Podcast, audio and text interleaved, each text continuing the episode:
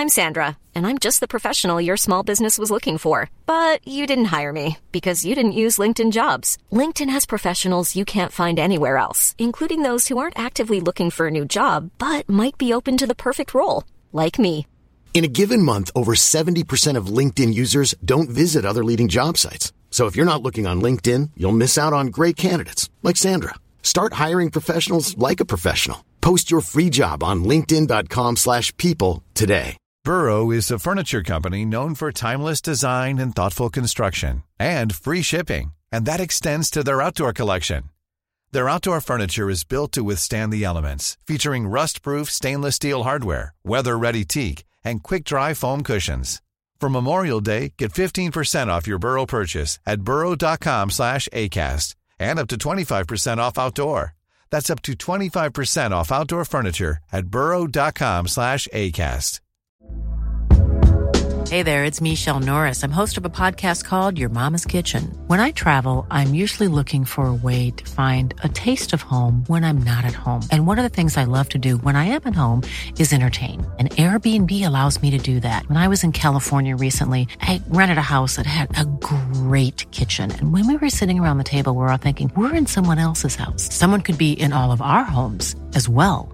If you have a home, but you're not always at home, you have an Airbnb. Your home might be worth more than you think. Find out how much at airbnb.com/slash host. Er du klar for pod, Øystein? Kjempeglad for pod, Jon Roar. Og i denne episoden av Scootspodden så skal vi tilbake til Oslo Motorshow og høre litt med alle de fantastiske bilentusiastene som vi fikk sjansen til å prate med gjennom helga. Ja, for du må jo litt innunder huden for å finne ut hva som er kult med en bil. Det her har vi lagd en episode om, faktisk. Så bare å spole ett hakk tilbake, så får du høre det hvorfor vi må snakke med folk. Nettopp, nettopp.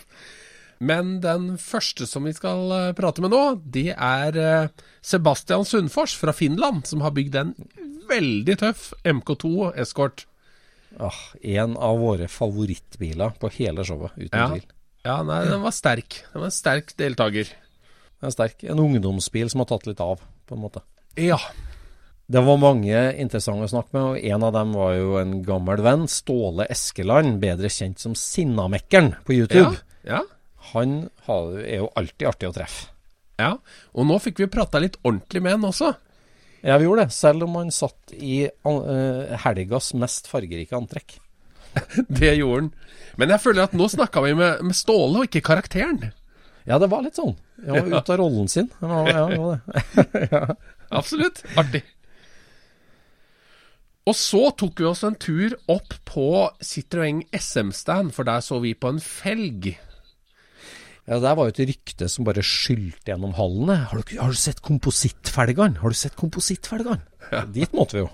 Så da gikk vi opp der, så snakka vi med Jon Ståle Rist. Ja, det var hyggelig bekjentskap med Citroën SM. Så er det jo sånn at uh, det er ikke bare far og sønn, men ofte så er det tre generasjoner bilentusiaster som vanker rundt på Oslo Motorshow. Ja. Og vi slo av en prat med en av de aller eldste. Flere og 80 år. Anders Erlien fra Tolga svingte innom og snakka litt om hvordan det var å jakte på nåla i høystakken på 60- og 70-tallet. Han sa jo han hadde bare et par dager igjen til 90, Øystein. Så det her var en gammel mann. Hildrende du, ja. Ja, nei, det er veldig artig. Jeg har jo kjent Anders og sønn og sønn i mange år. Og det var, det var alltid veldig hyggelig å snakke med Erlien-folket. Ja. Og som den siste eh, på denne episoden, så snakka vi med en annen grand old man, og det er Martin Skjeggestad. Det gjorde vi. Som var en eh, folkevognutstillingspioner eh, på 80-tallet. Altså, han var der når det smalt, da. Når folkevognhobbyen liksom pff, slo ut i full blomst Ja, i Norge. ja. Da var han der. Ja. Han er akkurat de åra foran meg som gjør at han har vært med på mange av disse her eh, tinga som jeg bare har sett i bilsport. Ja, ja nei, nå kan du altså høre det på Scootspodden, så det er bare å snurre film i år. Vi kjører pod.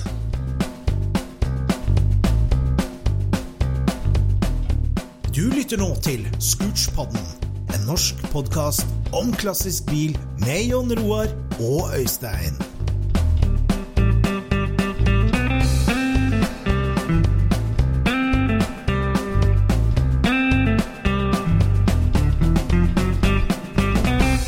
Ja, her på Oslo Motorshow er det så mye kult å se. Og det, her er vi midt i halv C, og her står det en helt utrolig eskort. Jon Roar. Ja, det her er en versting, altså. altså. Jeg så den her på avstand, så tenkte jeg bare Her er noen som går sine egne veier. Her er noen som går seg Helt fantastisk bil, og vi fikk tak i bygger og eier Sebastian fra Finland. Hei sann. Hei sann. For en herlig bil. Ja, ja den, er, den er fin og den er litt ekstra spesiell. Eksakt som du ville ha den, ser det ut som. Ja, jeg har valgt att välja lite så här egen design och både på karosskit och alla andra små delar också. Det, allt är custombyggt. For dette er en eh, MK2 Escort. Yes. Årsmodell og utgangspunktet Eh, 79. 79. Og den er jo bygd i en sånn veldig kul race-stil. Asfaltracer. Det er jo ikke en uh, rallybil. Nei, det er sånn track day-bil. Tractorbil. Og den har vært ferdig noen år, så du har kjørt den en del på trackdays også? Jeg har kjørt den Og så er den registrerad i Finland så jeg har kjørt den even til jobbet Og, så det Da har du kjørt pent, for den ser jo helt ny ut. Ja, nei, men jeg har kjørt den är två, två, 2000, blir det på 2000 kilometer. Fy faen. Oi, her er det mye vasking, eller tvetning. Nei. nei. Jeg kjører bare når det er bra väder. Man Ja, får velge dagene. dagarna. Men fortell litt om prosjektet. altså Er dette et prosjekt du bygde i ditt hovede innan du hitta bilen? Eller, eller starta det med tilfeldig bil? Jeg var 17 år når jeg kjøpte bilen og det var ikke alls tanken at det skulle se ut så her. Det har vært 15 år et prosjekt omtrent. Og det har gått fram og tilbake. og tanken var at jeg skulle bygge en vinterbil åt meg og kjøre på vintrene. Men Det gikk feil. det gikk fel. Men det gick åt det bättre hållet, tycker jag själv i alla fall. Absolutt. Så att bilen var ju nästan helt klar i ett skede, bara att lacka och måla med sån här rallybreddare och rally hjulupphängningar och allting och buren i och, och sen, konst, så sen köpte jag fäl, fälgarna till bilen och så hade jag tre, fyra års paus och så konstaterade jag det här vill jag ju inte ha. Så kapade jag sönder den. Ja, Altså, det var et rallystyk du bygde den til? Ja, för det var det som fanns i huvudet, en rallybil. Men så kom ju mera kunskap och kontakter och så då, det blev ju bara så här. Så rev du bilen og har bygd oss en eh, trackday asfaltracer. Ja. Hva er det vi ser på? Hva, hva, motor, hva er det for noe? Motorn är ur en BMW M3, det är en 2,5 liter Sevo-motor. Och så är det E36 M3, en gearmotiv låda som är en dogbox-låda. Eh, osynkad. Och så har vi Volvo 1031 eh, bakaxel med 6 link. Så det är, det är också custom hela vägen. Fy faen, altså. Jeg ser det her eh, Du, du må kjenne noen som har en CNC-fres, eller? Det är inte egentligen så mycket som är CNC-fräst på den. Att det är mycket skurna delar, rör och det är egentligen det enda som är CNC-fräst så det är topparna och ventilkåpene. At resten är så här... Det er plåt.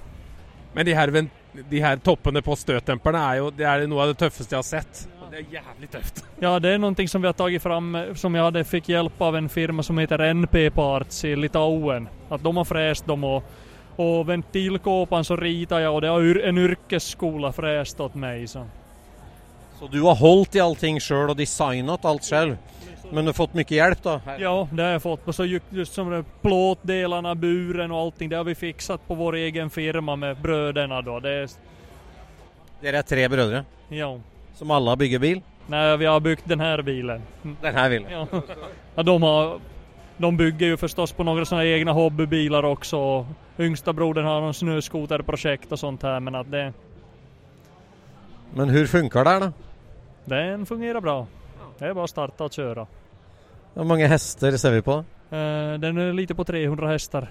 Så det, Fy faen. Sugmotor. ja. Utrolig. Og så har du eh, interiøret er litt spesielt. Der er det, det er din brorsa som har nita den. Nei, det er frun. Det er fruen, ja. Ja, hun har fikset innriden av benkene og det her og det. Men eh, plåtarbetet, det är ganska mycket aluminiumplåt inuti bilen för hela bakbrandväggen där partiet är byggt upp på golvet och kardantunneln och så det är mycket så här plåtjobb på den också så. Och allting går att demontera isär, alla de här panelerna inuti bilen så då blir det nästan ett rörramschassi. Men det her å st- strikke rørbeskyttelsen, det er, eh, det er overkurs. Det har jeg aldri sett før. Nej men det var en idé jag fick och frun fixade. Så det, Å ha fruen med på moro er jo trevelig. ja det er så. Hele familien skal være med. Og så må jeg jo si at det, det virker jo som du er grafisk designer eller noe sånt nå, for dette her er jo en grafisk sterk bil. Altså, den stikker ut. Ja, ja og egentlig så den var jo två första åren var den jo grå. Det var i fjol höstas som vi tejpade om bilen då. Då fick jag hjälp av en kompis som håller på med grafisk design och sånt här. Och så sa jag bara att det ska vara 70-tals eh, Saxspeed-stuk och därifrån kommer ju hela det här Mampe. Det, är ju, det var ju sponsor åt Saxspeed, Capri och Escortarna på 70-80-talet någon gång. Och, men jag sa att det ska vi ju på, vi på 2000-talet, det är ju, det är ju 2000-talet. Det är ju inte 70 mer så det är moderniserat. Utrolig kul filosofi. Det funker veldig bra. Ja. ja, jag är väldigt nöjd med den. Men en sånn bil, altså, ja, du har bygd den i 15 år, du har hatt den klar i tre år. Blir den noen gang helt klar, eller er det nye forbedringer? Nei, det, den blir aldri klar. Nei, så det vi har bygd ny... Så, eh, i till så bygde jeg en ny bakaksel inn med ny, en elservo og, og sånne här. forbedringer hele tiden. Men Og denne vinteren, da? så kommer den å stå helt stille, for jeg har et nytt prosjekt. Ah, det måtte vi høre om. Absolutt. Men er det her en, er en hybrid mellom rørram og selvbærende, eller? Eh, ja, for at, i og med at den er registrert, så det er midtdelen, altså gulvet golvet brannveggen opp til till fram til, så jeg sitter ikke ihop med rørramen direkte. så det er, det er en karossbil egentlig. Så. Fantastisk. Men nye prosjektet, da? Beretta, beretta. Eh, Det är en Ferrari 308 GTB som blir en custom widebody. Egen design. Egen design for Så det, det er neste projekt. Hvor hvor langt har du kommet der, da? Ja, den er sönderkapad. Enig? sønderkapad. Herregud. Jeg har begynt med inredningarna vi börjar, för det blir så här mer, så det, det blir en racingbil i grund och botten. Eh, Men så blir det, så blir det som et mer restomod-prosjekt. Det skal være full innredning, du skal ha alle, det skal være, det skal være keyless go, det skal være alle de her nymodighetene. det skal være automat AC og det skal være Ok, Så det skal være en kjørebil? ja, det skal være en Og så er det varmepakket i den også, for den skal gå og anvende på vintern for det er jo kaldt i Finland. Kaldt i Finland. Ja, gjør, gjør du noe med motor der? da? Er det noe trimming på gang? Eh, Det blir, det blir bytt motor, det blir en 348 motor, så motorn blir, alltså det är Ferrari-motor men hur en nyare Ferrari. Herregud, du, du, du, det finnerne er ikke Du er ikke bekymret for å gå i gang med et nytt stort prosjekt? Nei ju, tanken var jo at det skulle være et litet prosjekt. Nei. Det går ikke. Nei. Det, så nå har jeg forbud på å kjøpe små projekt hemifrån. Men fruen er i gang med innredning der også, eller? Jo da, hun er involvert i den ja. Det er herlig. Ja, fantastisk, Sebastian. Det var veldig trivelig. Gratulerer med en uerhørt bra bil. Da ses vi med Ferrari neste år, da. ja. kanskje ikke neste år ennå, men gi meg et år til. Herlig. Vi gleder oss. Ja. Takk. Takk for praten, ja. Takk for praten. Det var, det var en veldig ball bil.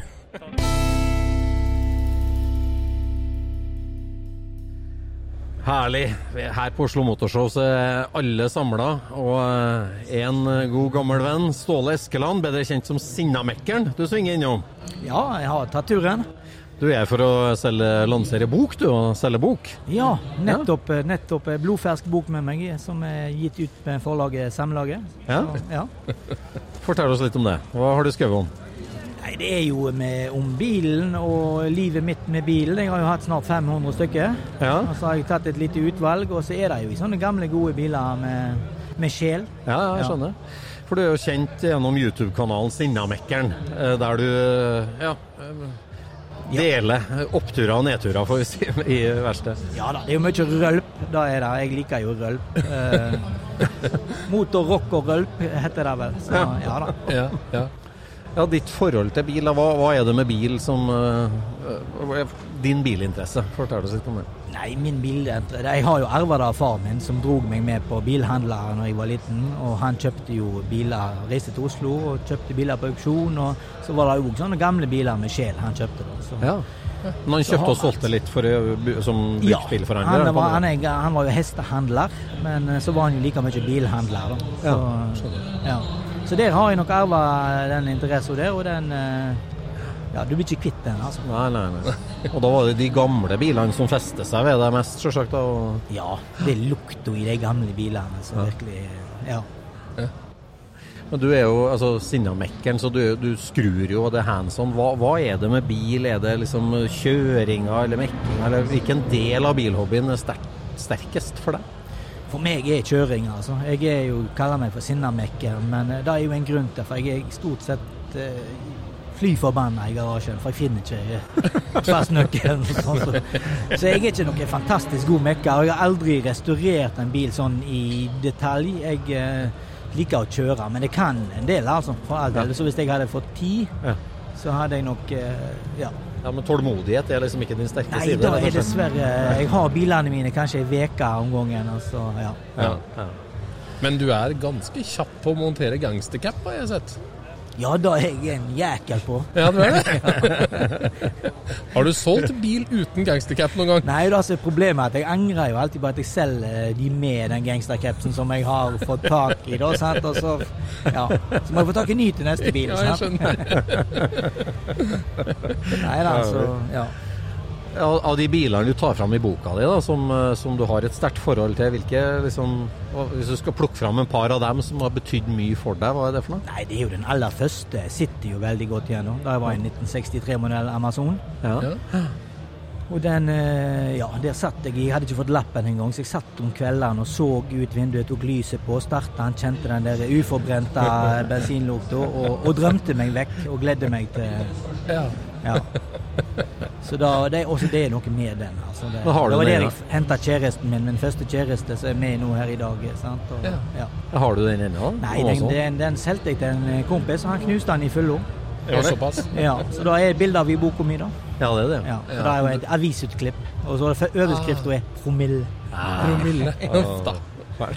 Har du kjøpt igjen maken bil, altså? Du har Ja, det? jeg har jo hatt 40-50 Amazoner, så jeg har kjøpt igjen mange ganger sånne biler. da. Men Ja. akkurat nå har jeg ikke en. Nå er jeg på jakt etter en 63 Amazon. Ja, det er det. Ja. Akkurat. Er det todørs eller firedørs den første, da? Det var firedørs. Det var firedørs, ja. Ja, så jeg liker like godt firedørsbiler. Det der med todørs og firedørs, alle, alle skulle liksom ha todørs en periode. Ja, Ja. Men jeg er firedørsbilens venn. ja du er det? Ja, det er det. Jeg har jo Chevy 55. Ja. Den er firedørs. ja. Ja, akkurat. Har, Four door, no waiting. ja, ja. Du har holdt på mye med en PV nå, ser jeg. En duett i det siste. Så. Ja, den eh, var på nippet til å selge, men så var- spytta forlaget mitt i bilboka litt penger inn. Så Ja. nå, nå kan ikke jeg selge den, føler jeg, for nå er jo det liksom Ja, ja, ja. Jeg bruker den til sånn forfatter-signeringsbil. Ja, ja, ja. skjønner. Ja, for det er mange jern i ilden. Vi har jo vært på tur eh, på Vestlandet og besøkt deg hjemme i Valen, Ja. eller i, på Farmen. Ja, det var kjekt, da. Ja, og der eh, driver du jo både med konsert og mekking og samling og alt. Ja, det, Ja. Vi skulle hatt flere timer i døgnet, så hadde jeg kanskje tid til å skru litt bil òg. Ja, ikke sant? Ja, men det var veldig kjekt når dere var oppom, da. Ja, Det var Dere Du er en veldig aktiv type. Liksom. Altså, du har eh, på mange fronter. Hva, hva bruker du mest tid på eh, eh, i livet? Rølp. Rølp? Akkurat. Nei, jeg, jeg er veldig opptatt av at det greiene skal være eh, gøy, da. Så jeg har Ja. det jo gøy med bil. eh, Ja. ja, og syns det er Det er det jeg ser er liksom Ja. Ja, skjønner. skjønner. Du gjør noe annet òg, for eh, på en av dine eh, businessturer så plukka du opp en garasjejekk til meg som eh, står nå hele låven hviler på. All slags oppdrag. Jeg lurte på hva i svarten skal han med den der?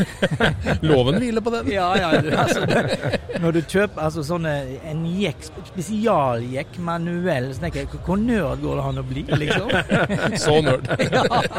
Så nerd går han. Nei da, han var tøff, kul farge på han. Var akkurat samme fargen som Chevroleten min. Det er han, vet du. Ja, Det ja, er ja. Og den Chevyen der er faktisk den eneste 55 jeg har noe forhold til, for den uh, har jo vært i Tønsberg. Da har han. Ja, Ja, kjente den, du han, Uh... Ja, jeg kjente en av de som satt i baksetet. Ja. Ja. Så der var det noe skruing natt til 1. mai, så han skulle få sammen et eksosanlegg. Ja, ja, var ja, ja, for alt jeg var veldig herpa sammen på den bilen. Ja, ja, ståltråd og Ja, ja, ja. Den er litt bedre nå, for nå har jeg sveist opp alt under knehøgde er nytt på den på en måte. Så, Ja. så han ser jo veldig gresen ut, da, men han er ikke så dårlig lenger. Det er en, det er en ekte bil. Det er en ekte bil, og den eneste bilen i alle fall i Norge og Nor Norden med original takluke som er satt i i Belgia, for det er en belgisk bil. Å, er det det? Ja. Ja vel. Så folk tror at den er liksom skårehull. Ja. Den er bygd i Belgia, rett og slett. Ja. Ja, ja. Fantastisk. En eh, Oslo Motorshow, da, hva slags inntrykk? Det er jo lite rølp. Ja, det er jo noen rat rods og litt sånn, men hvilke inntrykk tar du med fra Oslo Motorshow? Nei, jeg syns jo det er veldig gøy å se så masse forskjellig. At det er faktisk Det er jo det er noe for alle her, da. Ja, Ja, det. Ja. det er det. Så da syns jo jeg Jeg har vært der en gang for ti år siden, da. eh, Bare på ja. ja. Jeg er ja, strålende fornøyd til nå, det er klart. Etter tre dager med dette kjøret her, så blir det vel med Det skal bli godt når det blir mandag. For å si det sånn. Starter ikke opp med en ny Sinnamekke-video da? Nei, da tror jeg venter til tirsdag. Da, kanskje. Hvordan blir jeg var nettopp og hilste på han der som har bygd min altså, Kanskje den mest inspirasjonsbilen fra mitt liv. Og da er jo denne Pink Lady. Oh, ja, såpass, ja. Så jeg fikk hilst på Bengt og Ja. Det er så gøy. Ja, ja. Fantastisk. Ja, det er imponerende bil, altså. ja fy faker. Ja, terningkast seks i Bergens Tidende på boka, da. Er det interesse her å få boka, eller? Ja, Ja. solgt veldig bra med bøker, altså. Ja. Ja, veldig mange, eh, til og med østlendinger. Ja. bort og, Å, så til og med. ja, ja, ja, de forstår jo ikke hva jeg sier eller hva jeg skriver, noen ting antageligvis, men eh, Det er fordi du snakker så fort og energisk på Ja. de videoene dine. vet du. Ja, ja. ja da, nei, det er veldig gode tilbakemeldinger på det. Så Ja, da, hyggelig. da. ja. Hva er neste store prosjektet nå? Når det, altså, det går, bil, farm Ja, nei, jeg, jeg, syns jo det var veldig gøy å skrive bok, så nå har jeg faktisk begynt da, så vidt på en liten roman med selvfølgelig bil i masse bilinnhold. Har du det, ja? ja. Moroman, kalte du det? Nei? Moroman, ja. Eller roman? Ja. jeg sånn. Nei, nei, da er jeg bare i, helt i stikkordsform ennå. Ja, ja. Herlig, da. Kult. Du liker å skrive, det er viktig. Ja da. Du Jeg er har ikke sinna når du skriver. nei, da er det jo rødvin og greier. Ja. Og, Du er kanskje ikke så sint, egentlig. Du er en veldig blid kar. Ja, egentlig. Så jeg må vel innrømme det. Men jeg står ikke helt i ryktet. Men ikke si det til noen. Nei, nei, det skal ikke si til Nei, noen. nei, nei. Vi slår av Det blir mellom oss. Ja, det tror jeg. Kjempehyggelig at du svingte innom Scootspoden. Ja, det var veldig Ja, kjekt, da. takk for besøket. Jo. Og lykke til for- med boksalget. Takk for meg. skulle jeg til å si. Ja. Så må dere komme bort og kjøpe bok snart. Ja, For alle bilinteresserte sinnamekkere som ikke er her, da, hvordan kan de få kjøpt boka di? Nei, Den får du faktisk på de fleste bokhandlerne i hele landet. For den er spredt overalt. Ja, Så eh, hvis ikke de har den inne, så er de plikta til å ta den inn. Herlig. Og hvis ikke, så kan de gå inn på Sinnamekkeren, så eh, har jeg butikk sjøl òg. Ja. Ja. Så enkelt kan det gjøres. Så enkelt. Eller så kommer de bort til standen min i C3, Ja. og så kjøper hun noe mens de er på Oslo Motorshow. Ja, Da får de både klem og autograf. Klem og kyss og hele Ja, ja. pakken. ja herlig. herlig. Takk takk. Jepp, jepp. Yes. Oslo Motorshow. Smeltedigelen, den store scenen for den norske bilhobbyen. Vi får, ta oss en liten tur rundt her, Jon Roar, se om vi liker noe. Ja, her er det veldig mye å se på. Det er det, altså. Vi fikk jo plass i hall C, og når vi beveger oss rundt her, her det, det er en sånn veldig blanding av nybil og hobbybil. Det, før var det jo nybilhall og uh, classic-hall, men nå er det veldig blanda, og det er veldig fint på en måte. Det liker jeg veldig godt. At det er en eh, Det er ikke noe mønster i hva som står hvor. Sånn at det, vi får en veldig stor spredning på dette her. Ja, det er en oppdagelsesferd, rett og slett. Her er vi tar vi oss en liten runde. Og det det er slående hvor utrolig høy kvalitet det er på en del ting. Altså det er, om det er nyere standsbiler liksom, eller veteranbil eller hobbybil. Det er utrolig høy kvalitet på mye av det. Ja, det er absolutt. Nå står vi i nærheten av en felg som jeg har lyst til å løfte på. Ryktene har gått, nådd oss, at ved Citroën SM-en, Maserati Powered Citroën, så har de en komposittfelg. Ja, det lurer vi veldig på hva er. Ja, Er det alustål, eller er det rett og slett noe plaststålting? Skal vi se om vi finner noen å prate med der? Ja, vi gjør det. Ja, Citroën SM-klubben har vi hørt så mye om. Vi elsker jo bilene. Og denne eh, gjetordet om felgen har nådd helt ned til oss, så vi må lære oss litt mer om det. Hvem er du, og hva gjør du her? Ja, mitt navn er Jon Stålrist, og um, jeg er egentlig bare her for at um, uh, klubben har bedt meg om å stå her i dag. Jeg var opprinnelig um, president i den klubben her uh, i 18 foregående år. Jeg, 18 foregående år. Ja. så jeg ga, ga fra meg vervet i fjor. Akkurat, var det trist? Nei, det var ikke veldig trist. det var egentlig en befrielse. Men eh, det betyr ikke at man ikke er engasjert i klubben, da. Ja, Men det er jo en supersær bil, og da er det en sær klubb òg, da, på en måte? eller? Ja, det, det er vi nok. Det, det er en sær bil, og vi er sære. Og jeg tror jeg det, jeg tror ikke det er spesielt for Citroën, men uh, du finner jo sære folk innenfor Opel-miljøet, Ford-miljøet, og du finner Saab-miljøet, ikke minst, og også Citroën-miljøet. Det som er litt spesielt på Citroën-miljøet, som jeg tror vi har i de andre klubbene òg, er det at man er veldig sånn eh, selektiv. Altså at man har den type bil innenfor merket. Og for meg så er Citroën SM det som er, eh, er bilen innenfor Citroën. Jeg har andre biler òg, men eh, innenfor Citroën er det SM. SM, ja. Fortell oss litt om eh, altså, hvor mange SM-er finnes i Norge? Eh, vi solgte kun fire SM-er nye i Norge i løpet av de produksjonsårene fra 1970 til 1975. Og så ble det importert mange biler i løpet av de første årene, mens under produksjon, og også selvfølgelig de senere årene når vi har blitt eh, veteranbil. Så vi har en 40-50 biler i landet nå. Hildrande, du. 40-50? Ja, det stemmer det. Så eh, det har vært en god eh, importstrategi fra oss i klubben. Veldig god markedsføring av han formannen i klubben. Ja, det må, det, det må kun være han som har gjort det. Men ja, altså 40-50, ja, hvor mange finnes igjen i verden av SM? Eh, nei, det er mange teorier rundt det der. Det var jo bygd 12.920 stykker når det var produsert. og eh, Man vet at det finnes mer enn 4000, og noen sier sågar at kanskje opptil 6000 av bilene finnes i en eller annen tilstand i dag. Og det er ganske bra. 50% du? Ja, Vi kan i hvert fall si 35-50 finnes i det. Det er drøyt mye. Eh, For uinnvidde som ikke står her og ser, altså vi ser jo på en dritlekker eh, Citroën SM. Forklar oss litt kort om bilmodellen i seg sjøl. Maserati-motoren vet jo de fleste om. Men fortell oss litt eh, ellers om hele tanken bak SM-prosjektet fra Citroën. Eh, alle sammen kjenner jo til den gamle Padda, den som egentlig heter DS. Og um, Citroën var jo et ambisiøst eh, bilmerke som mange andre. Og de hadde da et prosjekt som eh, heter S, altså S for sport. Og De skulle da lage en uh, todørs kupé, en rask bil, en utgave av DS-en. Så Det er egentlig basisen på den her. Og Hvis du ser oppbygginga på en Citroën SM, så kjenner du igjen elementer fra DS-en i grunndesign. Spesielt da fra A-stolpen og framover. Og Det la egentlig litt grann, eh, restriksjoner på hvordan motor du kunne dytte nedi den bilen. Citroën prøvde i lang tid, og de hadde egentlig ganske god eh, løsning på en motor. Men det var firesylindere motor, og de prøvde på noen andre også. Men eh, de ga vel mer eller mindre opp, eller resignerte. Og de gikk jo inn i samarbeid med Maserati på den tida om å bygge en motor for dem. Det, Det er jo helt ekstremt ufransk å skulle hale seg til Italia for å finne hjertet til motoren. Ja, Franskmennene har vel, har vel dratt til Italia tidligere òg, så det var ikke helt unaturlig å dra til Italia for så vidt. Men eh, ja, det kan du si. Men de, eh, de ga jo oppdrag til Maserati. Skaffe oss en motor som yter minst eh, 150 hester. Og hadde da en eh, motorvolum som måtte være under jeg, tror det var 2700, fordi at du hadde de her reglene med skatteregler og eh, betydelig dyrere biler hvis du fikk for høyt volum. Så eh, det var rammene. Eh, Alfieri, som da var konstruktøren hos Maserati, han lagde jo en eh, en motor i løpet av ekstremt kort tid. Langt innenfor eh, det som var tidsfristen. Og den hadde vel en 150-60-70 hester. Jeg er ikke helt sikker på hva det var. Jeg har alltid trodd at de hadde en motor som de bare brukte, men de konstruerte en motor til SM-en. Ja, det er riktig. Det er mange teorier rundt der, og der kan jo Hilberg Hove fortelle mye detaljer rundt det. Men det som var, er at man tok utgangspunkt i design som man hadde i, i V8-ene de hadde. Men det er en ny konstruksjon på den motoren her. Selv, ja, selv om det er Fantastisk. Fantastisk.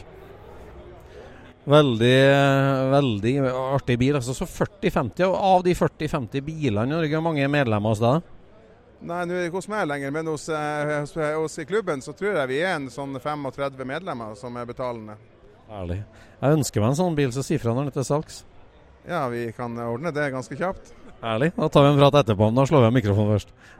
Ja, men den felgen, da. Her er jeg nysgjerrig. Ja, felgen, den har vi hørt om. Ja, og nå står vi og ser på den her, og her står det jo Michelin på selve felgen.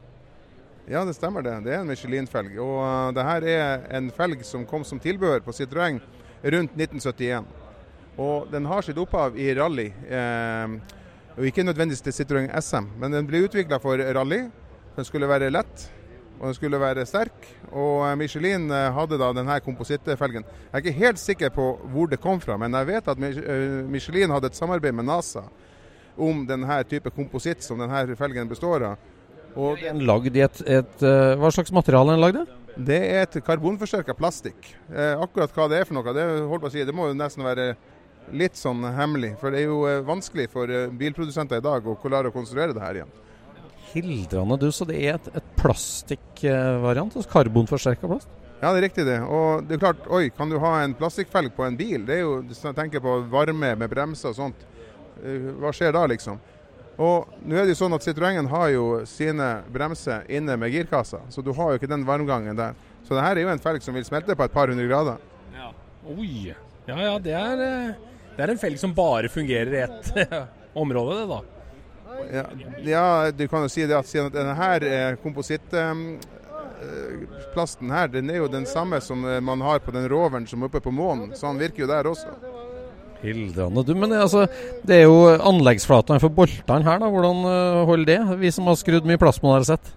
Det er en, en, metallring som da er støpt inn her i, i senter. Og som er rundt. Hvis du kjenner på felgen her nå, så er han på litt over 4 kilo, mens en stålfelg, tilsvarende stålfelg er på 9,5 kg. Fy fader, så tøff. Men lagde Michelin den eh, til flere leverandører, eller ble det et materiale som bare ble brukt her? Jeg er ikke helt sikker på det, men jeg tror ikke at de leverte til andre biler enn til Citroën. Så DS-en og, um, og SM-en passer jo denne boltsirkelen som du ser her. Og det var da en produksjon som var fra 1971 til 1973. Og Så ble det en eh, reproduksjonsserie som ble laga i 85 av Michelin. og Den felgen som du ser her, den er fra 85-produksjon. Og Det er noen små detaljer som er forskjellen på de. Det var on popular demand, det er det mange som ønska seg sånn? Ja, det var, jeg tror det var på demand fra den franske Citroën SM-klubben, som da ønska å ha flere av de her. Men eh, når det står Michelin på en felg, så hadde jeg jo regna med at den var i metrisk. Men det er den ikke. Den er jo 15 tom, dette her. Det er riktig, og det kan jeg ikke si noe mer om. Hva er boltsirkelen på SM-en, da? Ah, stor. Halvstor fembolt, vil jeg si. Ja, den ser veldig grov ut. Det må jo være 5 på 180 eller noe sånt. Ja, nesten. Det er jo lastebilstørrelse på det her. Og du ser hjullageret på fram, i framhjulsopphenget her, det er jo enormt. Jeg skulle tro at det var en medium lastebil det skulle vært laga til. Hva går et sånt sett for da nå i SM-menigheten? Uh, uh, du finner jo lite av de her i menigheten, så um, du må i hvert fall For et sett på fire så må du ut med minst 50 000 kroner. Ildrende, du. Jeg tenkte den har gjort seg på i Folkekongen, men det blir ikke aktuelt med første. Nei, alt gjør Alt Sminke grisen. Ja, herlig. Tusen takk. Takk for at vi fikk ta del av uh, både din historie og SM-ens historie og felgens historie. Takk, takk. Ja, vær så god. Det var bare hyggelig.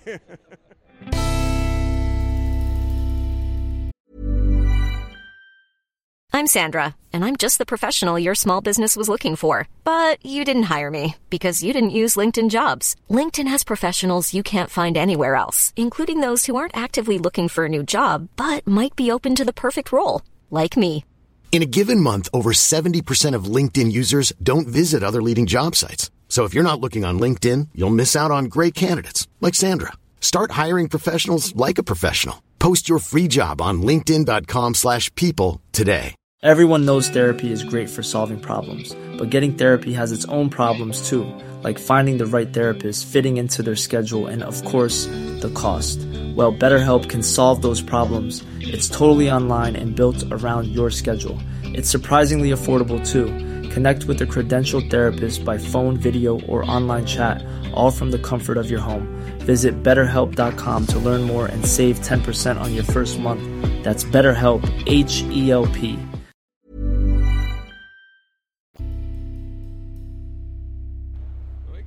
SM, altså. Det lever opp til sitt uh, rykte, fransk, fransk bil. Absolutt. Nei, der var det veldig mye spennende le Leamik oppi. Veldig mye spennende. Nå går vi forbi Lancia-klubben med en nydelig Segato-kupé. Og min gode venn uh, Tor Nensets uh, herlige himmelblå drøm. Den er fin, altså. Ja, her ser det ut som Lancia har kikka med lange øyne etter Folkevognens folkevogns eh, Carmangia cab. Tja, tror kanskje italienerne hadde Ja, jeg mistenker det. Jeg mistenker det. Nei, helt, helt, helt nydelig. Det er altså en Lancia Aurelia BF24 kabriolet. Denne kjøpte en Thor i eh, Boston i USA for ca. 20 år siden, tenker jeg. Da var den billigere enn er nå. Nydelig bil. altså. Men den var like fin den gang da? Ikke fullt. Han har gjort en del med den her, blant annet motorrom og forskjellig, men den var ganske ferdig. Ja, det er en veldig fin bil, altså. Vi må egentlig eh, snakke mer om italiensk bil i poden. Ja, det må vi gjøre. Ja, det må vi gjøre. Så det må vi gjøre. Her på Oslo Motorshow er det alle typer folk og alle generasjoner. Min gode venn Even, du står på stand for bilfag.no. Hvordan har dere det på Oslo Motorshow? Ja, på eh, fredagen, som er den aller viktigste dagen for oss, så har vi hatt masse flott ungdom innom med bilfag, merkevaren på seg. De er stolt av å være her, og det har vært, det har vært masse inntrykk for oss. De, eh, de som skal drive dette videre framover, føler seg velkommen på messa. Jeg prater med folk som står på stand ellers, som syns det er stor stas med så mye ungdom. Fredagen er en viktig dag for rekrutteringa til bilmiljøet vi er i. Ja, for når det åpna her i dag klokka ti, så var det horder med ungdommer med gule lapper rundt halsen som eh, kom inn. For det er virkelig eh, studentdagen i dag. Eh, elever som, altså Jeg har jo 50 ungdommer som jeg er veileder for eh, gjennom bilfag. Ung, eh, ungdommer som er lærlinger i bilbransjen i hele gamle Oppland. Eh, jeg har hilst på gutter og jenter som kommer helt ifra Otta i dag med buss for oss å gå, gå her. Og de er litt imponert altså hvor mange timer som legges ned, hva folk får seg til å bygge og prestere og strekke seg etter. Det er lett å bli imponert her på Oslo Motorshow, det bra sikkert. Og er, jeg tenker en av de store fortrinnene er at liksom det har greid å blitt en sånn smeltedigel for alle typer bilinteresse. Det er motorsport, det er ny bil, gammel bil. Alle er vi her. Og, og du er ja, med ungdommene, og, og dem er her også. Absolutt. Og eh, med meg her nå så har jeg òg far min. Han kom med toget fra Østerdalen i dag. Fire timer togtur for å være her. Så eh, det er alle, det er alle generasjoner, alle lag her.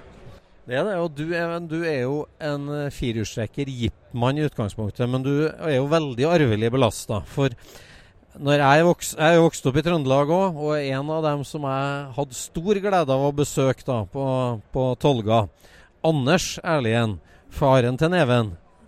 Du svinger innom. Kan jeg hilse deg fra Jan Leif Jostein Solsten?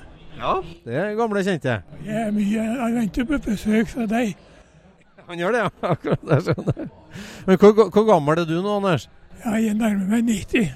Mangler et par år, så er jeg 90. Men du skal på Oslo Motorshow? Ja, det passer noe sånn å komme inn.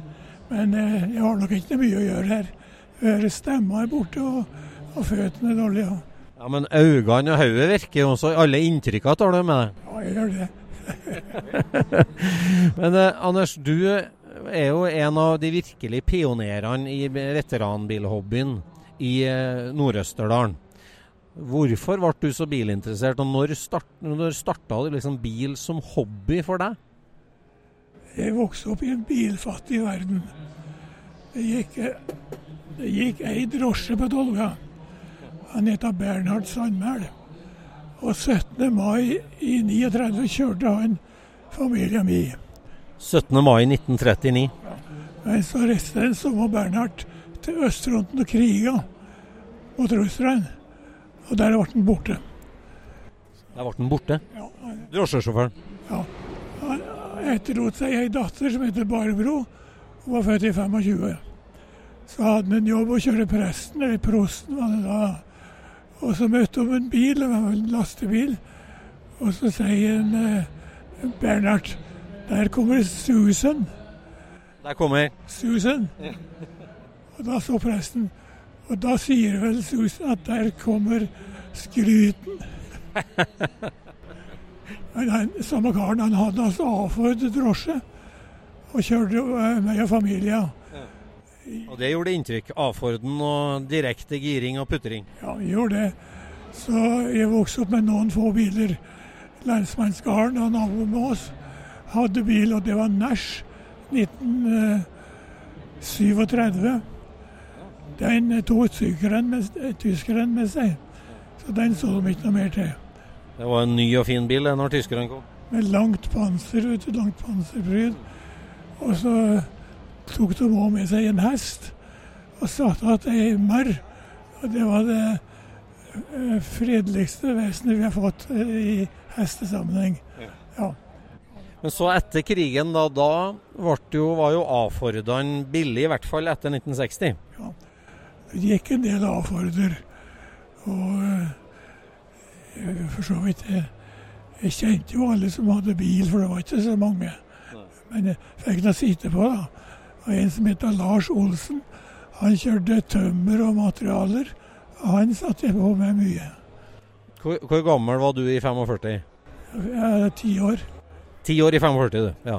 Så oppover 50-tallet, da, så var det jo, da var det kjøpetillatelse i Norge vanskelig med ny bil, og mange førkrigsbiler ble tatt fram og brukt. Og der var du med og satt på, du som bilinteressert guttunge? Ja, det var ikke så mye av en underholdning. Jeg skjønner. Men når var det du sjøl kjøpte din første veteranbil, da, liksom? 1962. 62.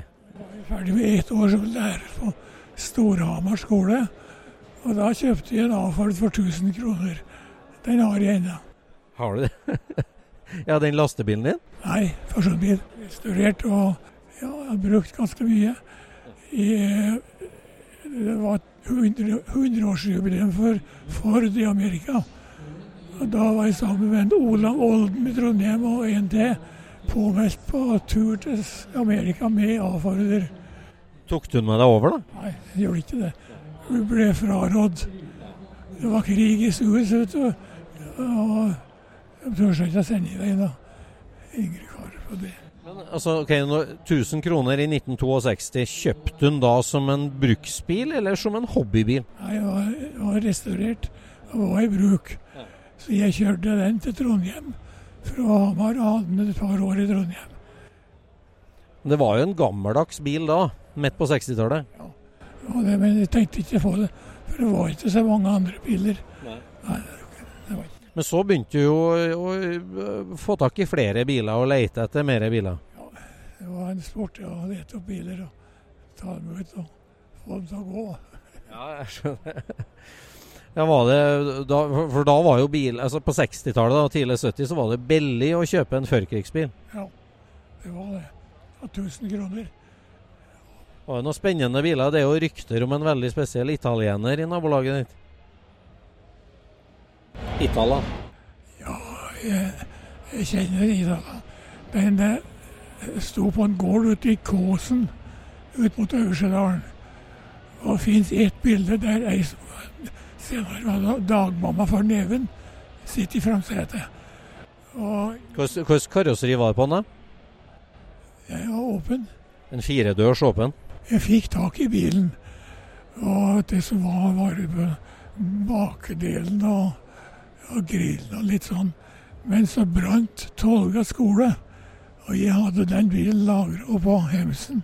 Og alt brant opp, så det er ikke igjen av den. Sånn var det, ja. Den brant opp alt sammen. Altså. Til og med den herlige V-radiatoren. Ja. Jeg mener den brant opp. Du mener at det finnes, du?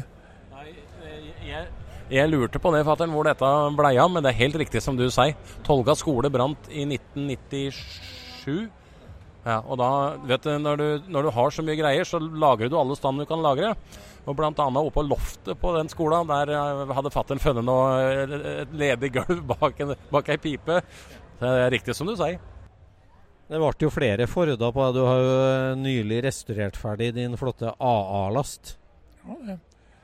Ford har et spesielt plass i ditt hjerte. Ja. Det er lett å omgås Forder.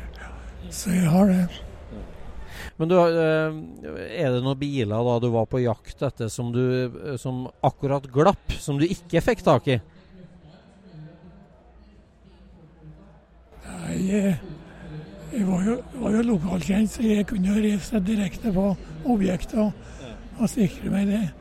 Så per i dag så har jeg en Saab 99 74-modell. Ja, for Saab òg er jo, når jeg tenker på det, så er det jo Ford og det er Saab. For Saab ble bruksbil, og Saab har du festa deg ved. Begynte i 69. Og så jeg, hadde, jeg har totakter nå, og jeg har V4. Så det har vært mye gjennom Saab. Men sånn som den A-lasten da, som du eh, fikk tak i Når, når kjøpte du den første gang? Nei, Det kunne vært på 70-tallet. tenker jeg. Så da, når den står som objekt på 70-tallet og 80-tallet, og jeg husker jeg besøkte deg på 90-tallet, og så fikk du fart på restaureringa og endelig ferdig og ut og kjøre, hva var følelsen da? Ja, det var en fortvila bil å kjøre. For du må sitte på tvers i setet. Men Even kjører den bra. Ja, Men det må være godt da, etter å ha hatt den stående som en drøm og en plan så lenge, og endelig få den til? Ja, det var det. Men det, det får du, til kurant.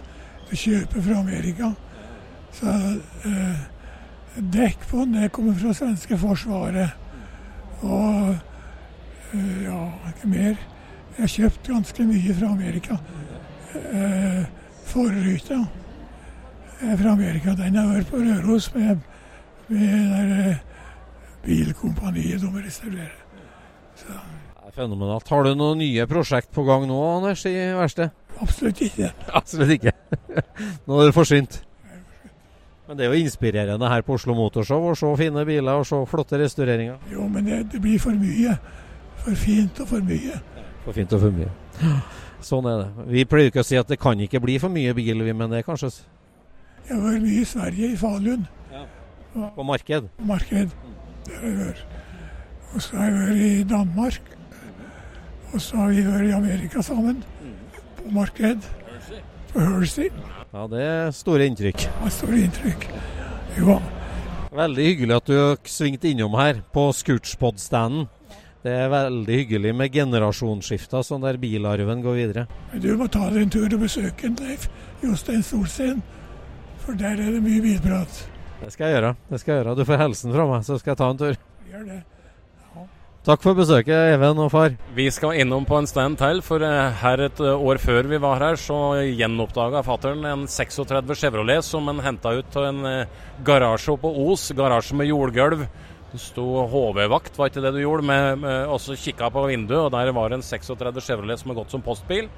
Den dukka opp igjen som et eh, mekkeobjekt på en stand inne her, med samme patinaen som han hadde den gangen han sto på gården hjemme. Jeg mener jeg husker på at jeg så den i garasjen når jeg var her på 90-tallet. Eh, Stemmer det. Da var den der ennå. Så er den solgt, og så er den i, i Rådmiljø her i, i nærområdet her nå. Og det var innmari artig å se den igjen med akkurat samme patentsvirk. Ja, Dere skal bort og se om dere finner den her igjen nå? Ja, den skal observeres som den er her i år. Ærlig. Tusen takk for besøket, Anders. Bare hyggelig.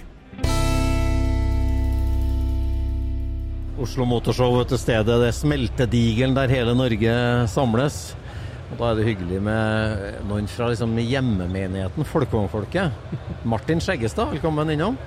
Takk. Hvordan er det som folkevognmann å gå rundt på Oslo Motorshow? Nei, det er bra det. Det er jo mye rart å se på. Mye, mye som ikke er så spennende, og veldig mye flott som jeg ikke ser til vanlig. Mye som ikke er luftavkjørt men det Ja, veldig mye. veldig mye rart. Veldig rart. Det er jo inspirerende og motiverende å se. Ja, det er jo vanvittig mye flotte bygger. Ja. Nå har jeg riktignok bare rekke i halve A og B, tror jeg. Ja. så litt her hos dere. Ja, det var hyggelig. Så jeg har vel litt igjen. Kommer ikke Så- lenger nå. Nei. Men det rykker vel litt i eh, showfoten, vel? Du er jo gammel utstillingsmann, du. Ja Jeg kjenner at jeg er glad jeg ikke syns det er så gøy lenger. så det, gjør, ikke- det er ikke nødvendig å ha like blank bil under som oppå lenger, kjenner jeg. Nei, nei. Det er fint det kan brukes. Ja, ja. Selv om jeg brukte, brukte vel det den gangen også. Ja, for du bygde jo en showbil. Ja, for veldig lenge siden så På gjorde jeg vel det. 80-tallet. Den var ikke bygd som en rein showbil. Den, jeg brukte den på jobben til vanlig eh, hele tida. Og du gjorde det, Så jeg har kjørt planker ut av soltaket på den gamle bobla der. Ja. Jeg har vært på byggevaren og henta Jeg jobba jo som snekker, så det var jo veldig kjekt med soltak, for da kunne du stikke plankene opp der. Ja, stemmer. Så, så, så den ble brukt selv om den også var blank under og, og sto på utstillinger på løfta opp med speil under. Ikke sant? Ja, Hvilket år er det du bygde dette her? Eh, Den var vel sånn noenlunde ferdig i 87. Ja. Eh, 80, nå må jeg tenke litt. 87-88, tenker jeg. Ja. Ja, for det er jo liksom konteksten her. Altså at øhm, når liksom hele bilsport og wheels-inspirasjonen til custom og ombygging altså Vi vokste jo opp med det alle i vår generasjon. Mm. Og så skyller folkevognbølgen inn over Norge for alvor får vi si på 80-tallet, da, tidlig 80-tall. Og du og broren din sto jo midt oppi der her og var liksom en av de pionerene som bygde råest først, tidligst. Ja, vi var vel ikke først. Det var vi ikke. Det, men eh, vi, det, Ja, men var dere- vel, eh, det var vel ikke så mange som hadde bygd bil som du jekka opp eh, på bobletreff den gangen. Nei.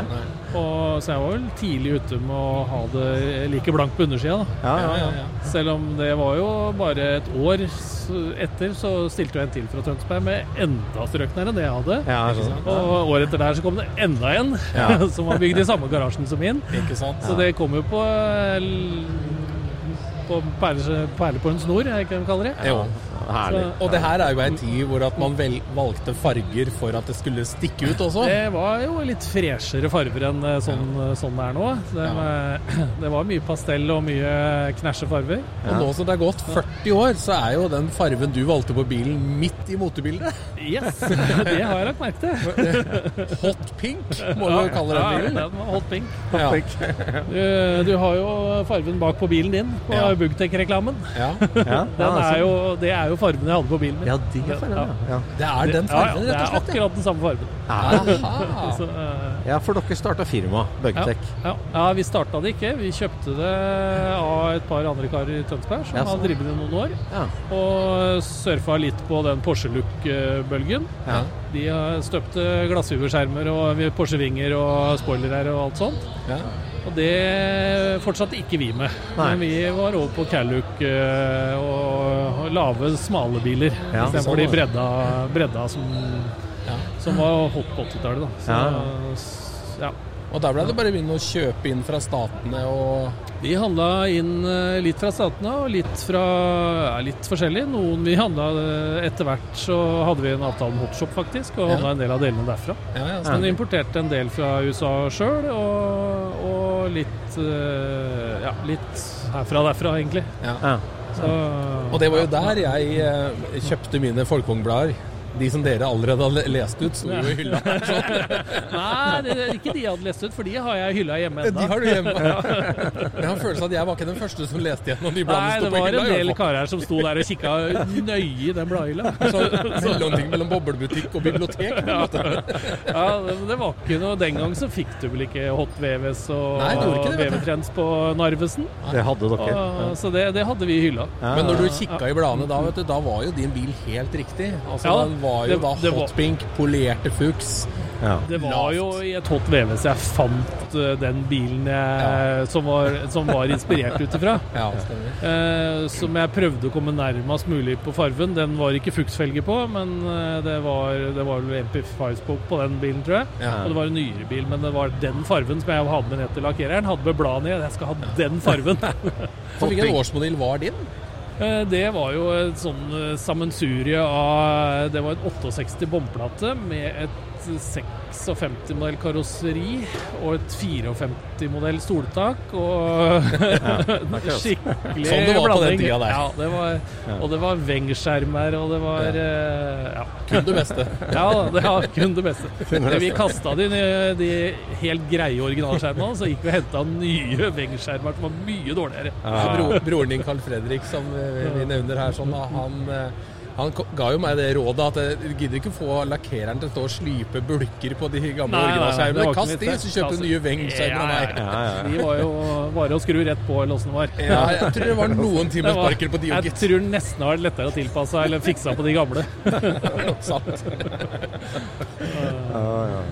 Ja. Dette er flere bobler, da. Du, altså, dere bygde jo bobler på løpende bånd med lotteribiler, ja, eller? Ja, det, ja, det blei jo det etter hvert. Da. Men først så bygde jeg jo den Først så hadde jeg hadde en 66 1500-boble som jeg hadde sommeren før denne ovalbobla her. Ja. Som jeg bare kjørte i en sesong. Og den, den kjøpte jeg da jeg var 16 år og bygde opp uh, fram til jeg fikk lappen. Ja. Ja. Som var eh, en slags Calluck-inspirert, men eh, litt custom-bil òg. For den var skåret av takrenner og runda noen dørhjørner og masse rart på. Ja. Men Ja. eh, det var eh, Det første jeg lagde. Og så bytta jeg bort den i den, eh, den ovalen. Ja, sånn da. Så da jeg var ferdig med ovalen, så bygde vi en 67-boble til søstera mi. Som også var eh, sånn syrinfarva. Sånn ja. knæsj eh, 80-talls. Ja. Så den ble faktisk var reportasje i Bilsport på min, og den og den som han Håkon som vi kjøpte butikkene, hadde også en Ja, ja. Jeg får vel ikke lov å si mintgrønn, for den var turkis. Okay. var, var den veldig nøye på. Oval, det òg. Så Ja, ja, ja. dem eh, ja, var det svær reportasje på i Bilsport i 88-89 eller noe, tenker jeg. De fargene der solgte jo blader på den tida Ja. der. Ja, ja. Ja, det gjorde det. Skulle være sånn. Skulle være sånn. du skulle hatt den stående i dag, den bilen her. Rulla den inn på låven. Ja, jeg veit ikke. Den var ikke så velbygd, så jeg tror det var greit å selge den. Men visstnok så fins den fortsatt. Ja, Den blei ble jo solgt i 92, så ble den solgt i Berlin til en kar der. Ja, sånn. Som uh, drev en bilbutikk, så han skulle ha et blikkfang til bilbutikken sin. Ja. Så, og visstnok har jeg hørt via noen andre, via CSB, tror jeg, Ja. så har han bilen enda. Han Oi. det, ja. Yes. Det men var ganske jeg vet velbygd, ikke, ja, det er bare rykter, Ja, så jeg veit ikke. Ærlig. ærlig. Ja, for dere hadde jo en famøs tur til eh, Berlin med disse bilene. Ja da, det var en bra gjeng fra både Tønsberg og en del av Oslo-gutta her var med på den turen med det. Ja. Som var en, en bra gjeng. Da var det vel Hvor mange var da? Var vi fem bobler, tenker jeg. Og så noen følgebil og noe greier. Ja. Som altså, skulle på treff i Tyskland? Skulle liksom. på bobletreff i Tyskland, men Ja. vi var da først eh, kjørte vi til Wolfsburg og, og møtte den lokale folkeklubben der. Ja. Ute på en øl på en kvelding. Og så var de med og viste oss rundt på museet. Eh, dagen etter, og så var vi på fabrikkbesøk med guida runde på fabrikken. Og så var turen videre da til Berlin. Ja. Men dette var for, forberedt gjennom brev, regner jeg med. Det var, eh, det var eh, vel egentlig Thomas de Fries, som ikke jeg husker helt feil, som arrangerte eller ordna den turen. For han var litt stivere i tysk enn det vi andre var. Så, og åssen han gjorde det, om det, om det var ringt ned og prata med noe, eller om det hadde foregått i brevsform, det kan godt hende det var i brevsform. Altså. Det var ikke på mail, altså. Nei, det var ikke på mail. ikke på e-post. Men det var en vanvittig fin tur. Og vi møtte også, om det var det jeg tror jeg var planlagt, at vi møtte Ulf Kaiser. Ja. Om, uh, om de som kjenner til han. Ja. Ja. Han uh, hadde jeg litt kontakt med, da, for han hadde lagd disse reportasjene som var på bilene. Ja, han hadde lagd en del Ja. reportasjer som ble solgt både til Hot VVS og Bilsport og masse andre blader. Så det var god spredning, Så, altså. så han hadde jeg litt kontakt med, så han møtte vi da i Berlin. Så han var på guida tur rundt i Berlin med oss, da. Oh, ja, og viste oss alle bomba kirkene og alt det som, som var helt totalt uinteressant for en 22-åring, eller hva det var. Men så lave biler på tur, altså, for det her var jo før luftfjæringa slo til for fullt. Ja, det ikke helt. Jeg hadde jo luftdempere foran på den bilen min. Og du hadde det, ja? Ja, det hadde jeg fra da igjen, det. Så Ja, den var eh, Men ikke da den var, den var tatt av da, for jeg bygde, droppa spindelet på den, og da fungerte ikke de luftdemperne. Da ble de for korte. Ja, stemmer. Så, men jeg hadde hijackers fra Granada Ikke hadde jeg sant? som fordempere på den bilen. Ja, ja, ja. Så jeg kunne løfte den opp fem centimeter foran. En klassiker. Kult. Så Men da- hvordan, hvordan ble liksom de skandinaviske boblene og stilen tatt imot i Nei, Berlin? det, når vi kjørte nedover, så det, det er jo litt som når vi kjører eh, på Super Scenic. Det stopper opp rundt der vi, der Ja. vi kom. Ja, Folk stoppa og glante, rett og slett. Ja, Ja. og det, den gang så var det jo ikke sånne gamle biler i trafikk der nede, og det er jo enda Vi har jo vært på noen Tyskland-turer etterpå. Ja, Og det er jo Det er jo sånn, sånn nå. ja, ja. ja. Herlig. Uttrykket er oppsiktsvekkende. Ja, og den gang med de ja, ja. som kom rullende der, den var, jo, den var jo helt umulig å ikke legge merke til. Nei, ikke sant. Men du nevner eh, senkespindler. Det, det, det inspirerte meg så veldig at, eh, at på, på Bugtech, da, som det het den gangen, eller Undervær bil, som det seinere het, Ja. så var det jo veldig sånn can do attitude. Det var liksom Hvis det kunne løses med en sveis og en vinkelkutter, så skjedde det. Vi, vi mekka sammen noe greier. Ja, fikk det til, liksom. ja. Eh, og det er jo Jeg ser jo på det nå i ettertid at, at vi torde. vi kjørte jo da rundt med innsmala forstillinger som vi hadde kappa og sveisa sjøl. Jeg var jo jeg var vel et par og 20 år. Første gang jeg skjærte en forstilling i tre deler og delt, tok vekk en betta og lagde den litt smalere. Ja, ja. Og sveisa dette sammen igjen sjøl, men det holdt, og det funka bra. Men det er jo, det er jo greia. Det. Altså, mange setter på hjula, og så ser de at dette her går ikke. Da må jeg Ja. finne andre hjul. Nei, da, nei, altså hvis jeg jeg har jeg skulle ha de fuktfelgene på. Det var, ikke noe, det var ikke noe lurt på det. De Det skulle på. Og det også den gang, Nå så kan du kjøpe skivebremskit som ja. er med boltsirkel som passer til fuksfelger. Ja. Den gang så bora vi opp nye sjøl Ja. i de gamle skivene og sveisa inn de gamle høla. Ja, ja, ja. det ene hølet passa jo. Nei, det der var inspirasjon for en ung, ung kar som var innom der. Altså, det, fantastisk. Ja. Nei altså, så det, og vi lagde jo dropspindler sjøl, som vi sveisa sammen. Men der hadde jeg en uh, kyndig sveiser. Da. Faren min hadde en kamerat som har vært uh, sveiser i en mannsalder, som sveisa de og garanterte at det her kommer aldri til å knekke. Så det, var, det garanterte den fullt ut. Ja. Var ikke, de var vel ikke noe imponert over hva vi skulle bruke det til, men det, han sa det her kommer aldri til å Det er ikke noe farlig å bruke. Nei. Så, Det holdt. For det var, det var pinnesveis, ikke sant? Var ikke det? Det var pinnesveis, og det var forvarma, det var gjort etter alle kunstens regler. Ja, ja. Så det var, eh, så det, men det ble gjort i garasjen på Underberg. Det er preskribert nå.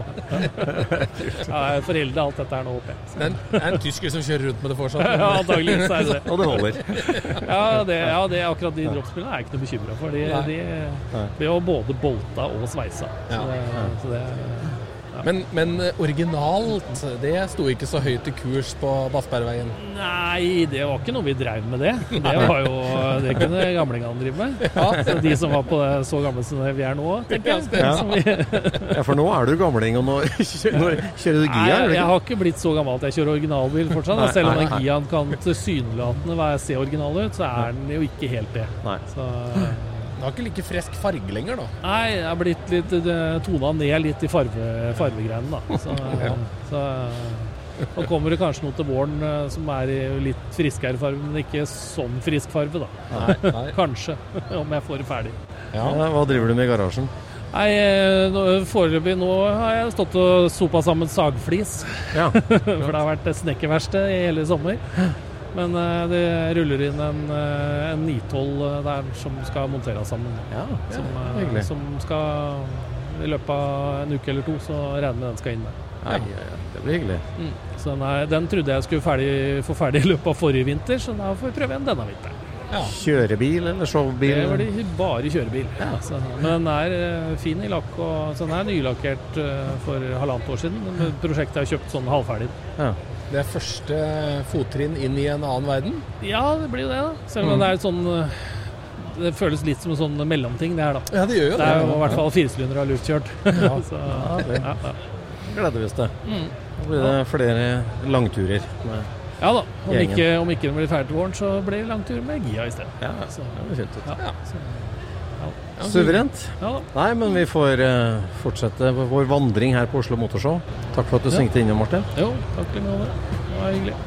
Takk, takk. Scootchpoden produseres av SSC Media, med god hjelp av VV Norge og Trond Dahl for hosting, Knut Micaelsen for musikk. Abonner på Scootchpod via podcaster eller Acast, og følg Scootchpod på Instagram og se det vi snakker om. Der kan du også komme med kommentarer og innspill, og fortelle oss hva du vil høre om.